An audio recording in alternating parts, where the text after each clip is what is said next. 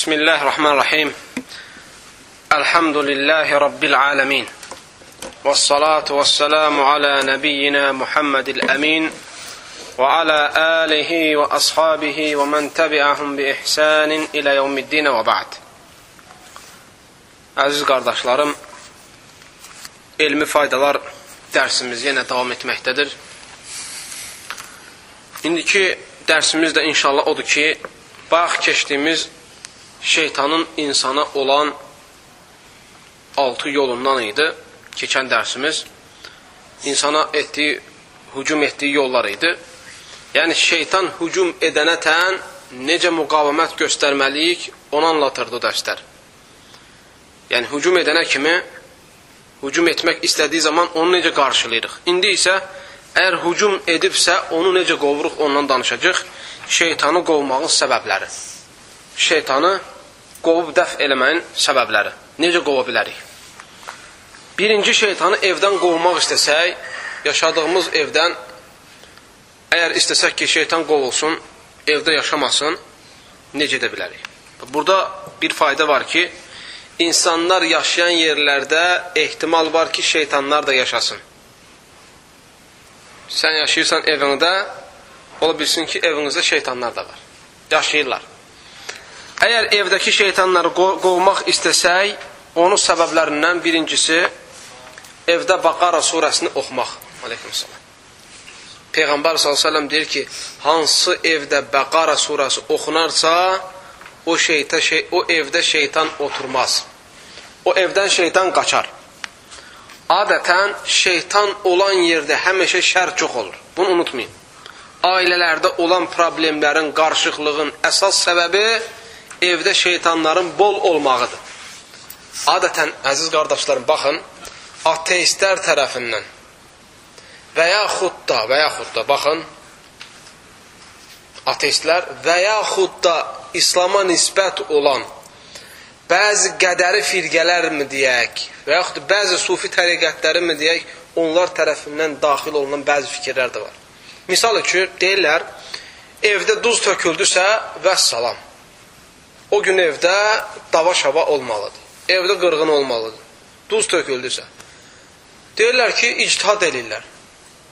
İxtilafa düşürlər ki, duz töklərsə, evdə şər olacaq, o şəri biz necə dəf elə bilərik? İxtilaf eləyirlər. Bəzilər deyir ki, su töksək, onu dava-şava əyniçəcək. O birisilər deyir, siz düz demirsiniz. Üstə onu gələk pesok, şəkər tökəsən. Hamısı batildir bunların. Əslində duz tökülməklə qədər dəyişə bilər, dava-şava girə bilər, bilməz. Sadəcə bunu insanlar şeytanı unudub da bəzi maddi şeylərə qapansınlar deyə ortaya salınıb. Və yaxud da deyirlər ki, evdə bıçaq belə durarsa arxası üstə, a, bunu belə qoymaq olmaz, bıçağı belə qoymaq lazımdır.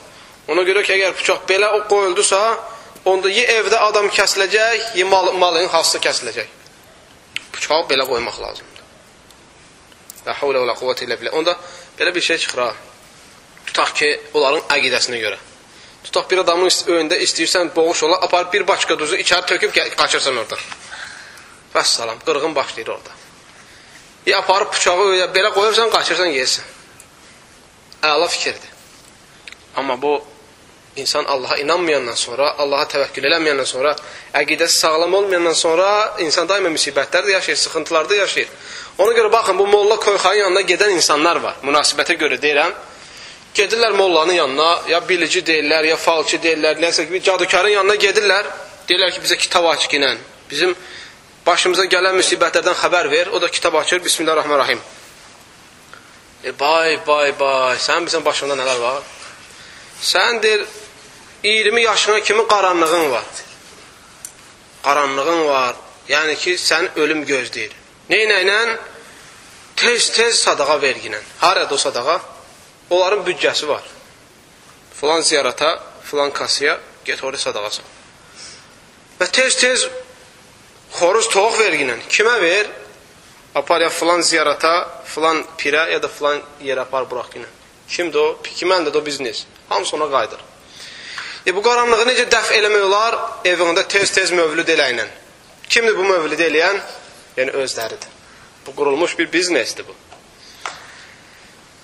Və bu miskin insan gedir onun yanına bir müsibət, qaranlığın var deyir, iki müsibət, canından sıxıntı əksi olmur.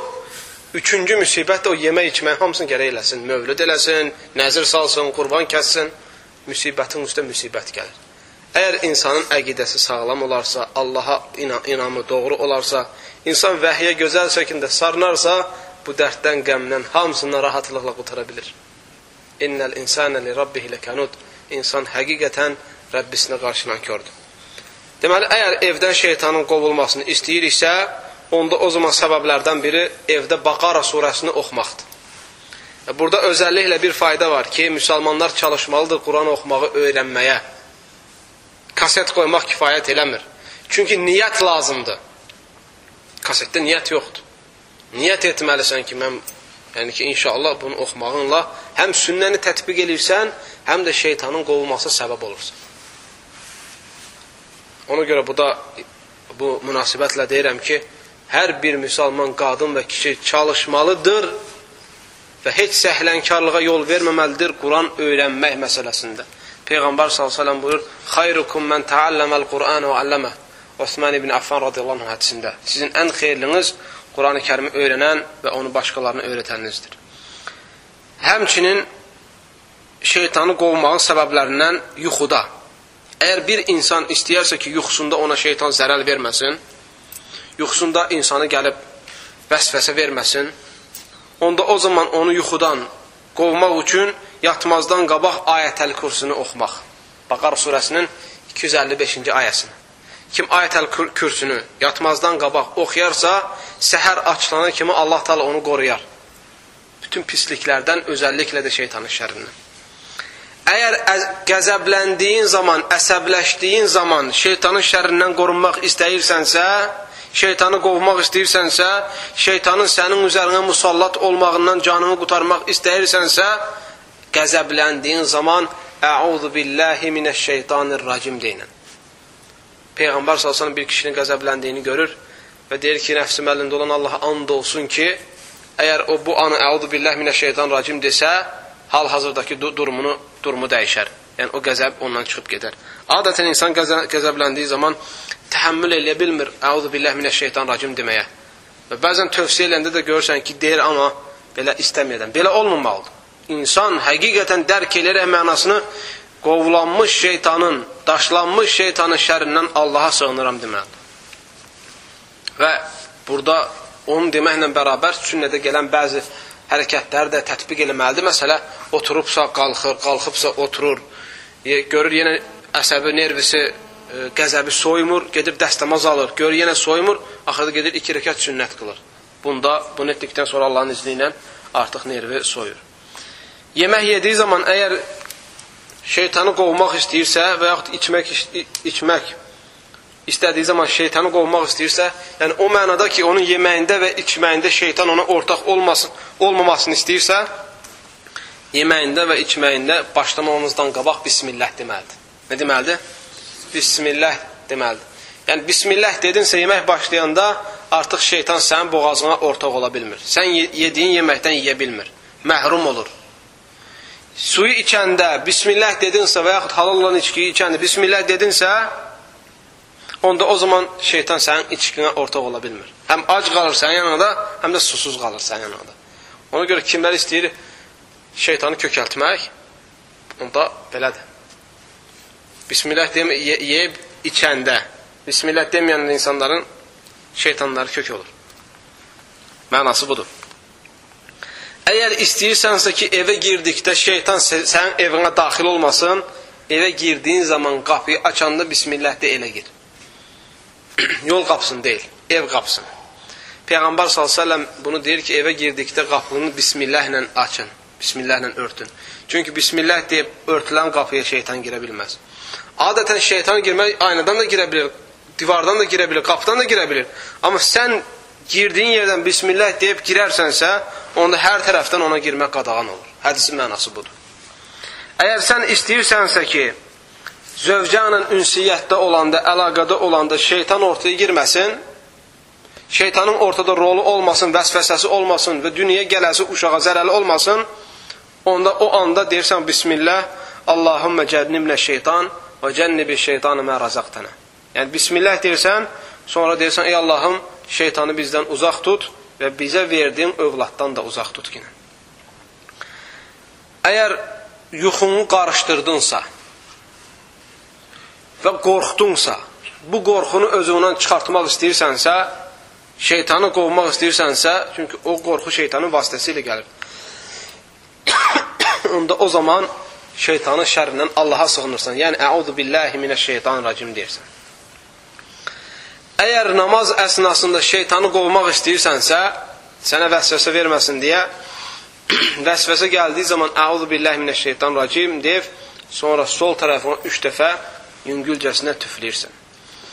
Əgər məscidə girdikdə şeytanın vəsvəsəsindən özünü qorumaq istəyirsənsə, şeytanı qoruma, qovlamaq istəyirsənsə yanından, onda məscidə girəndə bu duanı oxu. Əuzu billahil azim və bivəcihil kərim və bisultanihil qadim minəşşeytanirracim. Əgər Quran oxuyan, oxumaq istəyəndə şeytan sənə vəsvəsə verməsini istəmirsənsə, şeytanı yanından qovmaq istəyirsənsə, onda oxumamazdan qabaq Əuzu billahi minəşşeytanirracimdir.